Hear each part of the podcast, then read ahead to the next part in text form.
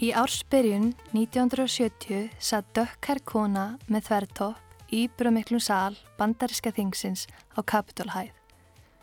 Hún var þungbúin á svip og við hlið hennar á svölunum sátu þær fáu konur sem samankomnar voru í þingsalum. Eftir að hlusta á hvert kallmannin að fætur öðrum ræða hvort að konur ættu rétt að vitum aukaverkanir getnavarnapillunar, fekk hún sér full satta. Hún stóð upp og kallaði yfir þingsalinn. Hún kraðist þess að fá að vita ákverju engin kona bæri vitni. Það voru jú þær sem tækju pilluna. Þögl sló á salin í stundakorn árum fleiri konur slóist í hópin og byrjuði að rópa. Konan með þvertoppin var Alice Wolfson, eina baróttu konum kvennarhefingar Washingtonborgar. Hún, á samt öðru konum úr hefingunni, höfðu fylst með yfirheyslum öldungadeildarþingmannsins, Gaylord Nelson, um getnavarnapilluna. Ég heiti Birna Stefansdóttir og þú ert að hlusta á annan þáttinn í þáttaröðinni Pillan. Í fjóru þáttum mun ég fjalla um sögu og áhrif pillunar í víðu samhengi. Í síðasta þætti fjallaði um tilkomum pillunar og hlutverk hennar í baróttu kvenna fyrir yfirraðum yfir eigin líkama. Í þessum þætti mun ég áfram beina sjónum mínum að sjálfsákurnaréttinum og þá sérstaklega baróttu kvenna gegn úröldum hugmyndum um getu þeirra að taka upplýstra ákvarðanir um eigið kynheilbriði. Yfirheyslur öldungardeildarþingmannsins mátti reykja til bókar að nafni The Doctor's Case Against the Pill sem blaðmaðurum Barbara Seaman skrifaði. Bókin kom út árið 1969 eða rúm áratug eftir að pillan kom á markað.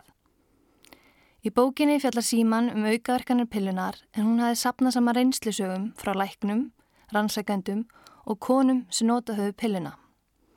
Síman heldi fram að læknar hefði ekki tilkynnt nótendum pillunar um mögulegar aukaverkanir. Þar meðal voru auknar líkur á hjartáföllum, brjóstakrabbameini, blóðtappa og þunglindi. Bókin var send á fyrirnendan öldungadeildaþingmann, Gaylord Nelson, og í kjölfari áka hann að hefja réttaransókn að því hvort það sínt hefur verið fram á að getnaðarnapillina væri nógu örug árum að setja markað. Rannsóknin hófst í janúar 1970 og Nelson fekti sín ímsa sérfræðinga til þess að ræða pilluna. Hann hafði þó ekki beðinin á konu um að segja frá personleiri reynslu að nótkunn pillunar, en það var eitt af því sem Alice Woolson og félagar hennar í kvennarhefingunni mótmæltu. Þær höfðu sjálfar upplegað aukaverkanir pillunar á einskinni en höfðu verið upplýstar um mögulega fylgikvilla hennar. Reynsla þessara kvenna var ekki einstami en í yfirheyslum öldungadildarinnar var staðfest að eins minni hluti kvenna höfðu verið upplýstar. Woolstone og samstarfskonu hennar ákveði því að trubla yfirheyslinar og spurði sérfræðingana á hverju miljónu kvenna höfðu verið notað sem tilrönandýr fyrir nýtt liv. Það spurði jáfnframt að því á hverju ekki var til getnavarnapilla fyrir karlmenn. Konunar tólkuði þessa nýju líkamlegu byrði sem fylgdi aukaörkunum sem enn eitt hlekkin í keðju feðraveldisins um hálsöðra. Þessi mótmæli bartukvennana vöktu aðtikli og næstu vikur skipulega Vúlsám á samt Barbru Síman mótmæli innan og utan þingsins. Réttaransvokk Nelsons og mótmæli kvennana leita lokum til þess að livjaframlendum var skilt að prent út litla fylgisela þar sem aukaverkanir og áhætti þættir pillinar kemur fram. Réttaransvoknin snýrist þó ekki einengus um innihald pillunar, heldur snýrist umræðin í þingsalum einnum rétt kvenna til upplýsinga. Spurt var hvort ekki verið nóg að lækna vissum verkum pillunar og hvort að konu þyrti nokkuð að hafa áhyggjur af þessu. Konu voru því ekki síður að mótmæla þessu viðhorfi en aukaverkunum pillunar. Þessi mótmæli voru hluta starri kvennarhefingu sem barðist fyrir sjálfsákunan rétti kvenna á 8. áratug síðustu aldar. Konu vildu að þeim væri treyst til að taka upplýsta og sjálfstæða ákvörun um eigin líkama og líf.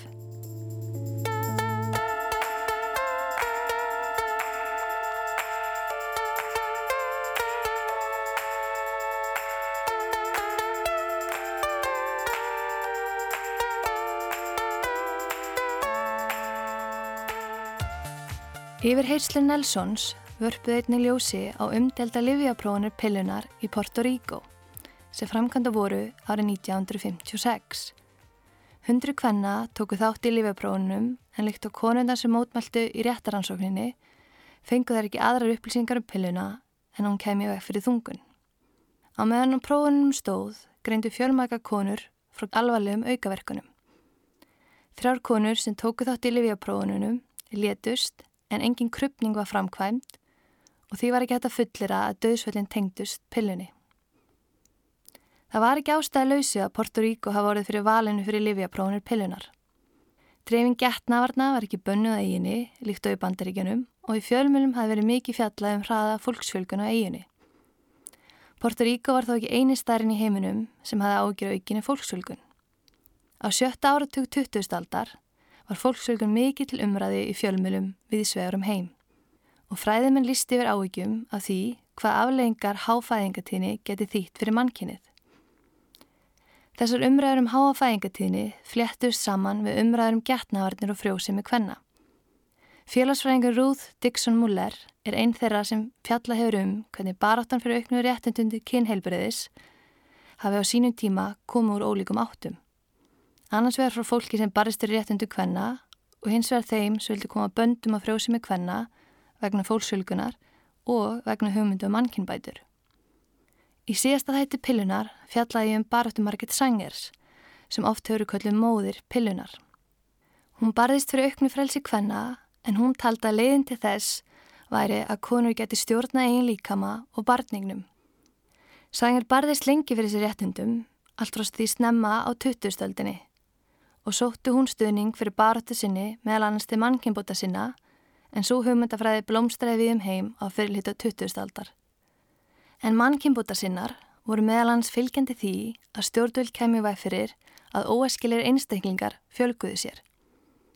Þó Sanger hafi setna fjarlægst mannkynbútastefnuna, samlega uppgangi nazismans í Þískalandi, hafa afleggingar þeirra stefnu eld hana allt í dagsins í dag.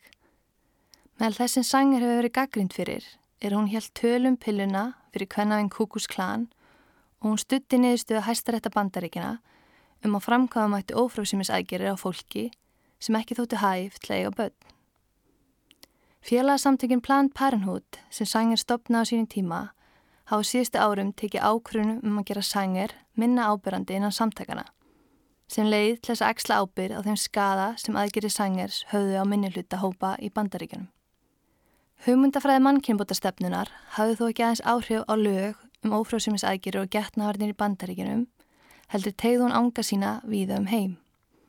Á síðust árum hefur varpa ljósi á hvernig einstakar stjórnvöld hafa þvinga konur og þá sérstaklega frumbyggjakonur og konur í minnilegtu hópum í bæði ófrásumis aðgerir og á getnavarnir. Nú síðast hefur við fjallað um líkjöinsetningar á Grænlandi í fjölmiðlum. Áru 1965 til 1970 var líkjunu komið fyrir í þúsundu grænleiskra úlingstúlkana, án upplýst samþykis og jafnvel án vitundar stúlkana og foreldra þeirra. Aðgerinn var liður í átæki danskra stjórnvalda til að hæja fólksfjölgun á Grænlandi. Íslensk stjórnvöld eruð einning fyrir áhrifum mannkynbótastefnunar en fjalla hefur um hvernig íslenskir áhrifamenn töluðu fyrir því að rækta ætti upp enn betri kynstofn hjá íslensku þjóðinni. Bent hefur á eitt afspringi þessara hugmyndafræði eru lög alþingis um ófrjóðsumisaðgerir frá 1938. Fjöldi fólks gekk undir slíkar aðgerir að fúsum og frálsum vilja en á síðustu árum hefur fjallað um hvernig hluti þessara aðgera voru einni framkvæmdar á fólki sem þóttu óhæft til að eigna spödd. Oft án þeirra veitundar eða undir fölsku yfirskinni. Guðrún Valgeru Stefansdóttir, prófessor í föllunumfræðum, er einn þeirra sem rannsakað hefur reynslu kvenna með þroskahömlun á slíkun aðgjörum hér á landi. Ég hitti Guðrúnu á skrifstofu hennar og fekk að heyra meira af rannsóknum hennar. Eitt af það sem þú er rannsakað Guðrún eru ófrúsumis aðgjöri kvenna með þroskahömlun. Mm -hmm. Hvað kom til ákast að rannsaka það?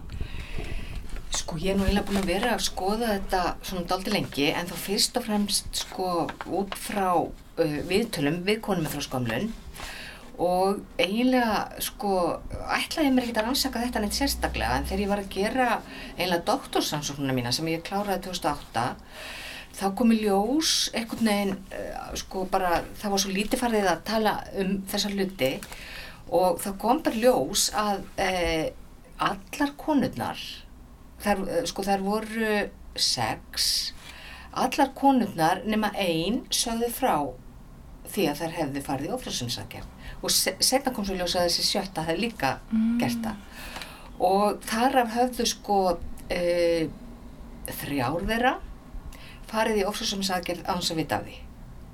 Sem sagt, ein 14 ára svo sem að fór yngst.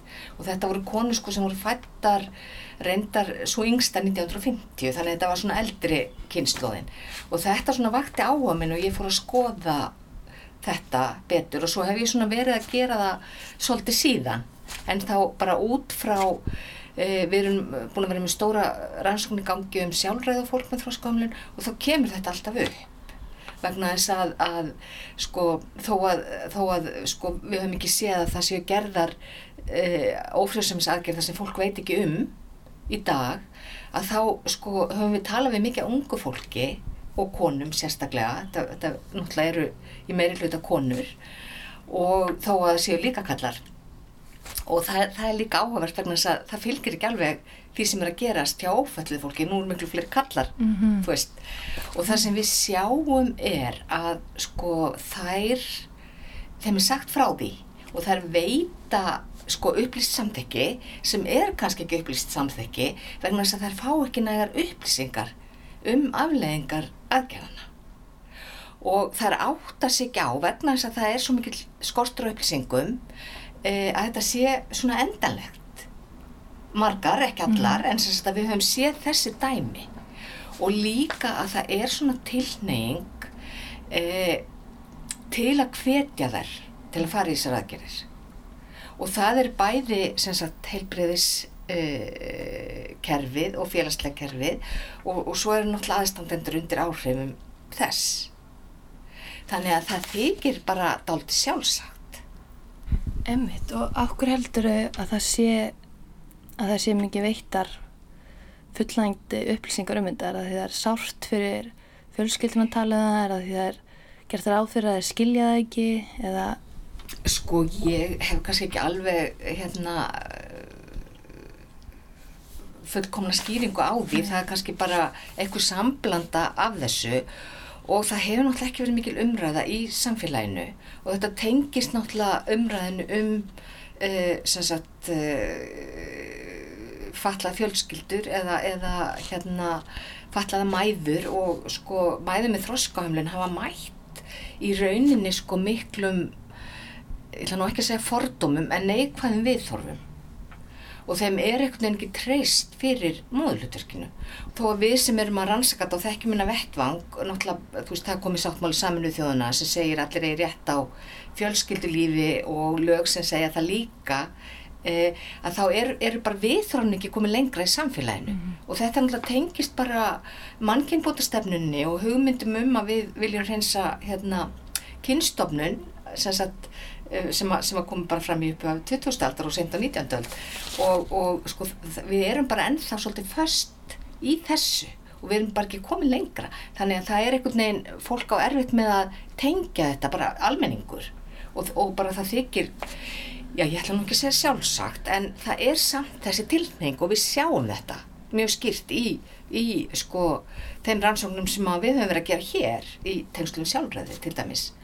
Þetta er viðkomumræða og sko fólk náttúrulega eins og, eins og uh, samningurinn og nýlu og svona þá er þetta gert ráð fyrir að fólk er rétt á stöðningi á öllum sviðum. Mm -hmm. líka til þess að alveg börni sín og stofna fjölskyldur.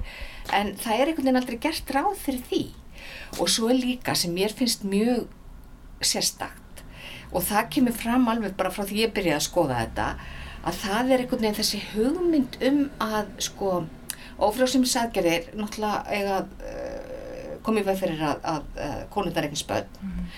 en þær hafa verið notað sem getnaðvönd eins og sér ekki til neina önnur mm -hmm. getnaðvönd og jáfnveil sko sem svona réttlæting á því að það sé verið að sko uh, venda konuna skilur við og þá spyr maður fyrir hverju er verið að vendana mm -hmm. er það fyrir því að verða ófrísk jú, veist, það eru sem sem líta þannig á mm -hmm. eh, en svo, svo kemur líka þessi mýta alltaf að, að, að því að við vitum náttúrulega að uh, fallað konur og, og, og sérstaklega konur með þróskahömlu líka mjög vel við ofbeldi og hafa orðið fyrir margar hverjar, fyrir kynfyrslugu ofbeldi og einhvern tíma hann á leiðinni hefur komið upp svo mýta að ófrjóðsumsaðgerðir vendi þær gegn þessu kynfyrslega ofbeldi og við höfum einmitt séð akkurat öfugt í Mhm. okkar rannsóknum að það er frekar ef að sko óprúfni kallar vita að konurnar hafi farið í ófrúsumsakir þá þær verfið höggi, skilur við.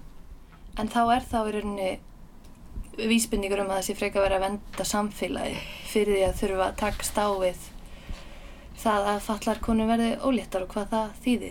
Já, ég held það sko en, en þú veist, það er kannski ekki sagt upp átt Nei. og það er ekki eh, kannski sjálfnast eitthvað meðvita en þetta er svona það sem er undirliggjandi. Þú veist, maður er ekki að dæma uh, aðstandendur, Nei. skiluru vegna þess að uh, þó að uh, sko konurnar og fjölskyldurnar eigi rétt á þessu stöðningi þá hefur náttúrulega skort svo mikið á hann hafi verið til staðar. Mm -hmm. Þannig að, að þá auðvitað þurfa, sko hafa aðstandandi þurft að ganga inn í stuðnislutverkið og ekkert allir alltaf í, eða bara hafa ekki hérna, möguleik á því, reynlega. Nei. Þannig að þú veist, það er alveg svona upp að vissu marki, þá, þá getur maður alveg skilið þessi sjónamið. Að, að, að bara sjá ekki nema alla erfileikana sem að hljóta fylgja því að, að Einmitt, en það snýr kannski meira að uh, stjórnvöldum sem hafa Já. uh, það, búið að samþykja að falla fólk eigi rétt á sjálfræði og lifa sjálfstæði lífi Já. og þú ert að benda á að það taki til alls já, í þeirra lífi, það Já. er meðal badningnum. Algjörlega og sko bara, veist, fjölskyldu lífi að fá stöðning við að alveg börni sín og fá sko þann sem konurna þurfa. Mhm. Af því það hefur nefnilega komið í ljós líka í sko rannsóknum, uh, sko það, það er svo fljótt, við erum svo fljótt að dæma og það er að vera undir svo miklu, mikill smásjá sko konurnar hjá sko barnavenda í völdum og, og félagsþjónustunni e, sko á meðan að það eru sko svona nýja rannsókn sem sína að ef að, sem sagt fjölskylduna fá þann stuðning sem að til þarf að, að sko þá, þá er ekki hægt að sína nein, nein mun á sko hæfni foreldra hvort sem þeir eru fatlaðir eða ófatlaðir. En það hangir á stuðningnum. En ég meina allir þurfa stuðning. Það er ekki bara sko fallafólk Einmitt, þú skoðaði líka sögulega sammengið Já. og skoðaði hvernig lögin og hvernig það var orðað í lögunum. já Þú veist, ég finnst það bara að vera auglust að þetta er aflegging af mannkynbútastefninni. Ég bara algjörlega sko. Já, þetta er, og maður sér sko breytingarna, það eru sömu lögin sem eru gildi um ófrúsumisaðgerðir frá, frá 1938 til uh, 1975. Og þá er náttúrulega langstæðsti hópurinn sem var gerður ófrjór eru uh, konum með þróskamlun. Ég man nú ekki alveg töluna, það var á annað hundrað á meðan það voru held í nýju kallar.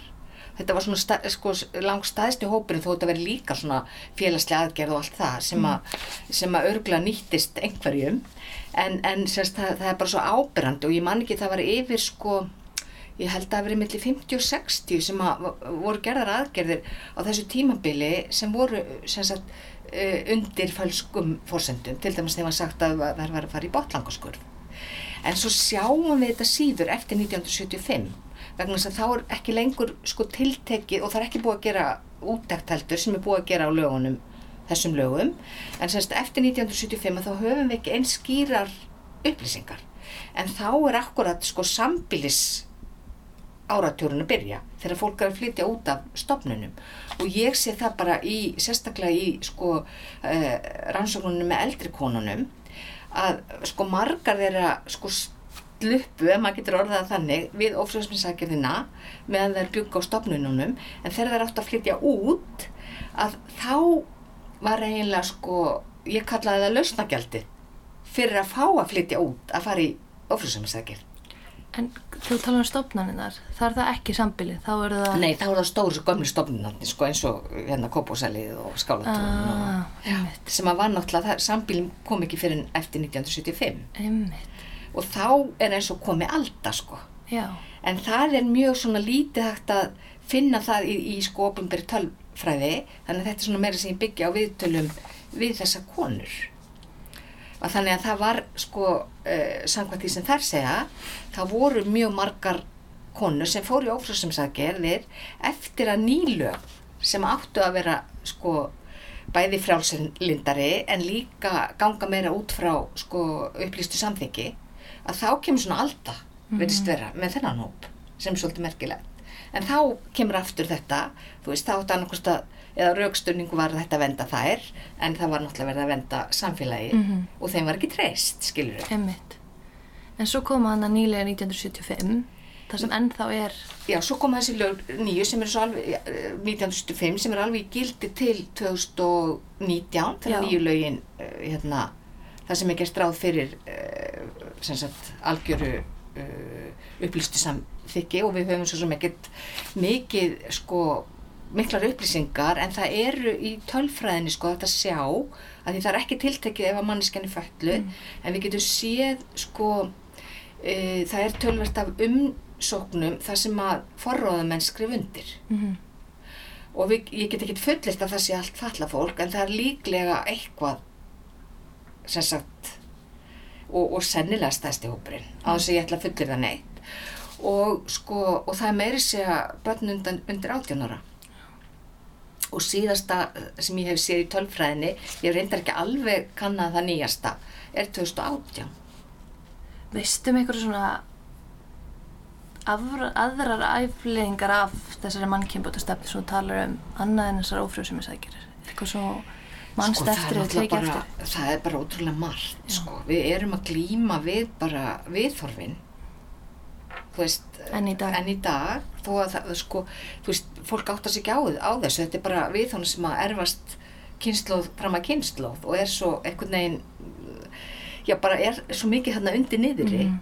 og bara við áttum okkur ekkert á því Mm. en sko við höfum líka séð sko, og stofnanarnir voru nú ein hérna aflæðingin Mhm. þú veist, einangra fólk til þess að passa upp á að, að, að, að hérna kynstofnin spillist ekki. já, meinar Já, já, það, það er alveg tekt, sko. mm Og sko við höfum líka í viðtölum við fólk og, og uh, aðstandendur, þá höfum við líka séð að til dæmis uh, það var á tímabili, ég veit ekki hvers, hvort það sé ennþá, en það var lengi að þá var líka verið að nota þess að þryggja mánaðsbrautur. Þú fjallar aðeins um í greiniðinni um svona uh, líðan kvennana eftir aðgerðinar. Já. Gætur aðeins sagt mér frá því? Já, það er sko það er bara komið bók í haust sem að það sem er uh, tölvört fjallað um þetta og ég skrifa meðalanskabla sem að sko heitir Skömmin var vest afleðingar sem, sem sækir á konum með froskömmlun og þessar eldri konur sem að náttúrulega sérstaklega sem að fóru í aðgerðina algjörlega undir fölsku yfirskinni. Og auðvitað bara þessi við og sem voru þá ríkjandi var til þess að það er einhvern veginn sko það er töluð ekki um þetta fyrir bara það er orðnar uh, rífullorðnar og þá er sko skömmin svo mikil. Þeim finnst þetta alltaf sér að kenna. Þú veist, ég er svona ómúleg að það þurft að gera svona við mig, mm Mhm. skilur en síðan sko þegar það fara að tala um þetta og við höfum svolítið sko uh, sko verið með umræðu líka það sem hafa verið fleiri en einn eða ég. Og þá sko þá verður til svona svolítið barátta skilur þá, þá, þá sko áttaði sig á því það, var gert við okkur, þetta var gert við okkur og það var ekki okkur að kenna heldur voru það viðþorfin og það var stefna stjórnvalda skilur þannig að það, það er að geta svolítið yfirfært þessa skömm sko yfir á samfélagið. An ocean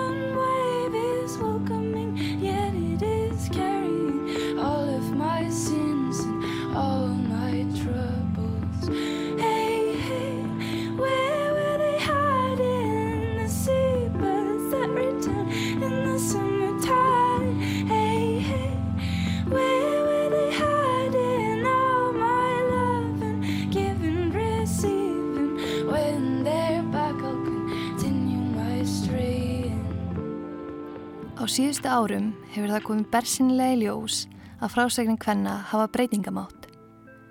Með því að segja frá upplöfunum sínum hafa konur krafist þess að hlusta sér á þær og bröði sér við með breytingum. Þar á meðal eru frásegnin kvenna úröldum viðhorfum og misrétti innan heilbriðiskerfisins. Þær frásagnir hafa meðalans verið nýttar í kennslu í læknisfræði innan Háskóla Íslands. Með það fyrir augum að gera læknum að meðvitaða um upplifanir kvenna af heilbriðiskerfinu. Guðrún Steinþórsdóttir, doktor í íslensku bókmyndum, er einn þeirra sem er miðla slíkum frásögnum í kennslu í læknisfræði en hún hefur sapnað saman frásögnum að samskiptu kvenna við lækna á síðustu árum. Eh, Ég kannski bara byrja á fyrstu spurninginni. Hvað kom til að ákast að kynna þér uh, sögur og upplöðanir hvenna hérlendis í samskiptu við lækna?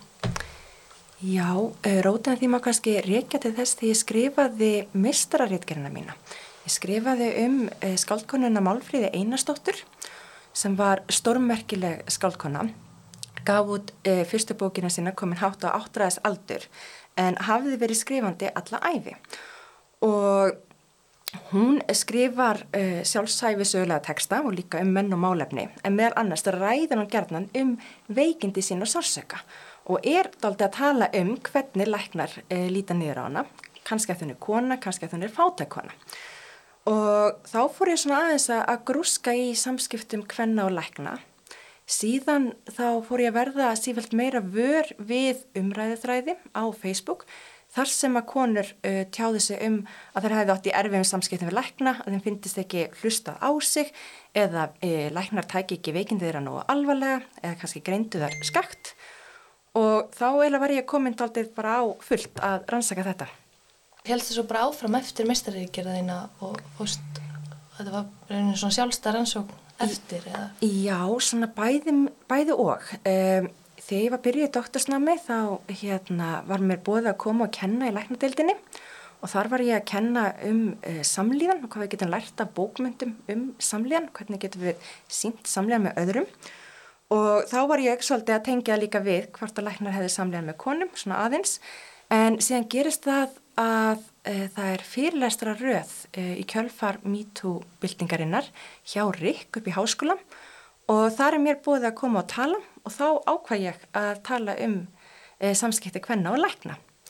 Og hjælt þar fyrirlestur og skrifaði síðan grein í kjölfarið. Og þá fór svolítið kannski bóltið enda mér að rúla og mér var til dæmis búið að koma og kenna uh, um samskipti lækna og hvenna í læknadildinni en þar hafði reyndar áður verið byrjað að kenna það en ég fekk svona að koma og vera með líka Vá, hvernig fer svo kennsla fram? Ertu þá að vitna í viðtöl sem þú tókst eða eins og þú varst að greina samfélagsmiðlum? Já, við erum sko, ég er svo heppin að ég eh, kenni tímana með Kristínu Sigurðardóttur sem er slísa og bráðalæknir og það er alveg ómyndanlegt líka að hafa sjónarhóttun læknisins. En við erum með alls konar texta, einmitt, eh, reynslusögur af samfélagsmiðlum eh, úr hérna viðtölum og líka úr bókum sem konur hafa skrifað.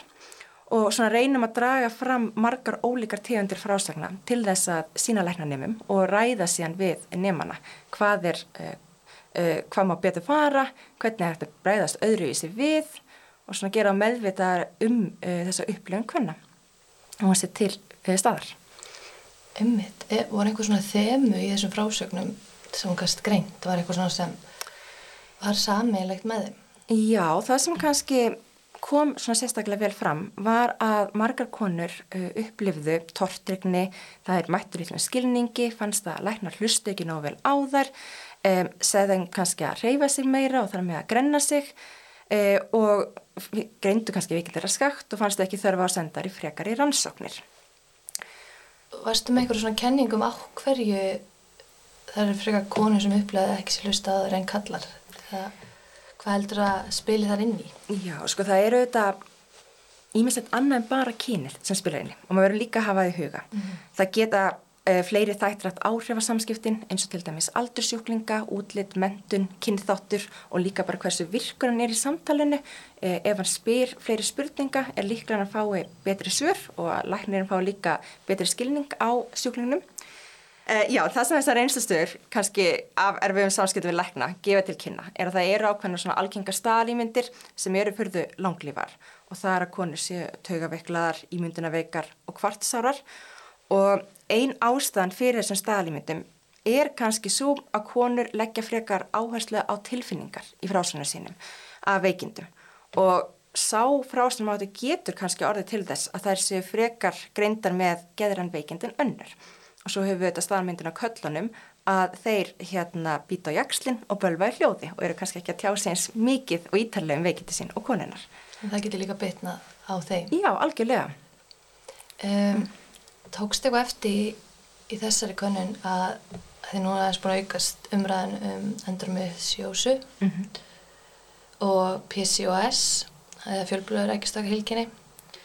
uh, og þær hafa svona bent á er konur með þessa sjúkdóma að það hafa ekki verið hlusta á þær í gegnum árin og ekki meðfyrir búði var eitthvað svona sástu að það voru merki um að eða var að ræða svo kallega kvennsjúkdóma að það var enn síður hlusta á konur Já, og það er alveg klart mál og uh, samtökum endometriósi hafa bara gert kraftaverk, myndi ég segja, síðustu ár með því að vera með frábæra fræðslu og bara fræð okkur öll um áhrif þessu sjúkdóms. En þar auðvitað eru við með konur sem hafa gengið gegnum mjög mikla erfileika og, og ekki fengið kannski nógu miklu hlustun. Og einhvern veginn læknar hafa kannski bara ekki alveg átt að segja á enginunum. En ég vona það sé allan að breytast og held það, svo sannlega. Eitt sem við verðum svolítið að hafa í huga og það er það að við fáum frekar neikvæðarsögur. Já. Það eru söguna sem berast áfram, það eru söguna sem eru skráða nýra samfélagsmiðla en ekki góða sögunar sem eru kannski markvælt fleiri. -hmm. Það er kannski líka góð sveit að vita að þú ert fenginn til þess að kenna og það sé búið að vera í langan tíma þessi samskiptafræði og frásagnar læknisfræði.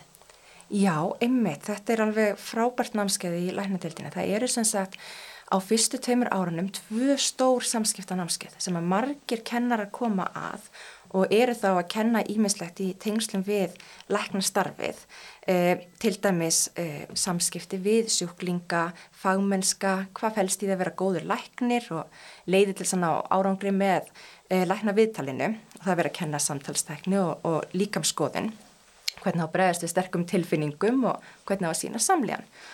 Og það er einmitt núna komin áratögur síðan að bókmyndafræðingar voru að kenna í þessu námskeiði. Og það voru þær e, Ástís Egilsdóttir og Dagni Kristjánsdóttir sem að byrjaði að kenna þarna. Og ég bætti síðan í hópin e, fyrir 8 árum. Og það sem við höfum kent í þessu námskeiði er hvað getur við lært á bókmyndatekstum um samskipti? Hvernig hérna getur það gagnast læknanemum kannski að lesa um vond samskipti, lækna og sjúklinga og svona draga kannski fróðleika að því hvað þeir myndi vilja gera annað í stöðinni að þetta er reynsla sem við geta auðlast bara með lestri án þess að þurfa að ganga bókstala gegnum hana sjálfur, geta lært af henni. Emmitt og þannig geta hvað frásagnin hvenna hjálpa svo mikið við að er henni bara auka þjónustu að því kannski heldur að, eða þú veist að ég veit þú skoðar einhver leiti í sögulegu sammingi líka og menningarlegu mm. var kannski bara, var lítið fjalla um þetta Vist, var þetta tabú eða þeir var náttúrulega fleiri kalkisleiknar og vísindi voru mjög kallæg mm -hmm. er þetta eitthvað svona uh, sem einmitt þú segir bókmyndfræðin hafi einmitt kent og eitthvað sem kannski vantar svolítið í vísindin er það sem frásögnin hafi verið notaðar eða?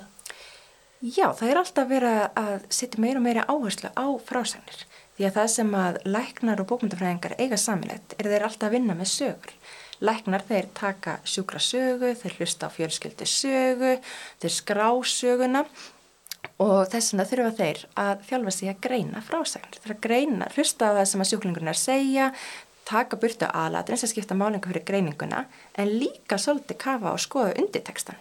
Hvað er kannski sjúklingurinn ekki að segja? Og þess vegna er svo mikilvægt að þeir setja alltaf góður í frásagnfræði eða bóktafræði og það er kannski eitt af því sem að bókmæntafræðingarnir geta hjálpa læknum með. Og maður sér það í fræðanum að frásögnin er alltaf að fá eh, meira og meira vægi og nú nefnitt eins og nefndir komið nýtt fag sem heitir frásagnar læknisfræði. Það sem er beinlinis verið að tengja saman frásagnarfræði og læknisfræði. Og þar með er eh, lækna, lækna njömum og læknum bara gefin ákveðin verkfæri til þess að greina frásagnar. Til dæmis að átta sig á hvað merkja ákveðina líkingar, af hverju nota sjúklingar kannski húmur, er hann kannski hrættur, e, notar hann ákveðin tilfinningrorð og þá getur kannski læknirinn staldra við og sagt byttunum við og sagir hérna þú ótaðist þetta, getur þið sagt mér aðeins betur frá því. Svo þá eru þeir svolítið að greina frásögnuna meðan þeir eru að tala við sjúklingin. Vá, en áhugavert, ég hef ekki höfum til þetta. Um, en svo sagði þú að slíka benda á að kannski líka oft er í skortu bara á tíma, Já. mikil áherslu á lækna að eins og veitum og mikið búið umræðin að mikið álaga á helbriðstjættum og þannig að það er kannski einhver pressa þá líka á að að hafa ekki nóg mikið tíma til þess að lusta á sjúklinga og þá sem koma til þeirra. Al er það eitthvað sem við talað um? Já, algjörlega. Auðvitað vilja flesti læknar gera allt sem í þeirra valdi stendi til þess að hjálpa skjólstæðingun sínum en kerfið einmitt stýðum hérna, svolítið þröngan stakk og einmitt það er ætlast til þess að þeir sinni með mörgum á stuttum tíma og þá kannski einmitt er ekki mikið rými til þess að hlusta. Og það hafa verið gerða rannsónir í bandaríkjunum að það líði e, átján sekundur að meðaltalið þanga til að læknir trublar e, sjúkling þegar hann er að segja frá. Og það þetta segir okkur að e, sjúklingurinn hefur ekkert mjög mikið rými til þess að tjá sig. Og þetta er daldi alvarlegt vegna þess að oft eru ákveðin líkamlega einkenni uh, hérna uh, orsök kannski ofbeldis, kynfyrslæst ofbeldis og það getur tekið tíma fyrir uh, einstakling að svona hérna segja frá því. Og þá þarf auðvitað læknirinn að hafa góðan tíma. Og þess vegna er kannski þetta aldrei mikilvægt að bara kerfið sjálft sér lagað. Því að auðvitað vilja læknarinnir gefa sjúklingur sínu tíma og hlusta á það Var það eitthvað svona sem kom þér óvart þegar þú byrjar að skoða þetta? Kanski hvað frásagninnar eru í raun ótrúlega margar og þar hafa þetta orðið bara sífælt fleiri vegna þess að umræðin eru að opnast meir og meir og það er mjög jákvæmt vegna þess að ég til að með því móti þá skapast umræða og það gerir læknana meðvitari um þessar frásagnar og þeir eru meðvitari um það og þeir eru að reyna að bregðast við þeim og öll umræða er auðvitað hennu góða. Í þessum þætti hefur við fjallað um hvernig frásækning hvenna meðsrétti innan heilbriðiskerfisins höfðu fyrir með sér margvíslega breytingar. Konur sátt ekki lengur þegjandi undir forraðishyggju og ekki feðraveldisins, heldur risu og börðstöri réttindum til að taka upplýstar ákvarðanir um eigin líkama. Frásækning hvenna ófrjóðsumis aðgerðum, fallara hvenna, voru liður í því að lögum um slíkar aðgerði var breytt árið 2019. Þá leiti frásagnin hvernum aukaverkanir pillunar til þess að livjaframleindum var skilt að prenta fylgisæla um aukaverkanir. En fremur leiti þau frásagnir til þess að gerða voru fleiri rannsóknir um áhrif hormonangjatnavarna á hilsu hvenna. Það rannsóknir leiti meðlans til þess að hormonamagnir pilluna var breytt þegar leið á nýjunda áratíðin og árunum sem eftir fyldu jógst úrval hormonangjatnavarna. Þráttur neikvægt umtal og meiri samkemna markaði var pillan enn vinsalsta getnaverðin hér á landi í upphafi nýrar aldar. Í næsta þætti verður fjallaðum vinsaldi pillunar hjá nýri kynslu og kvenna og skoða verður hvað öll spiluð þar inn í. Takk fyrir samvildina, kæri hlustandi. Þanga til næst.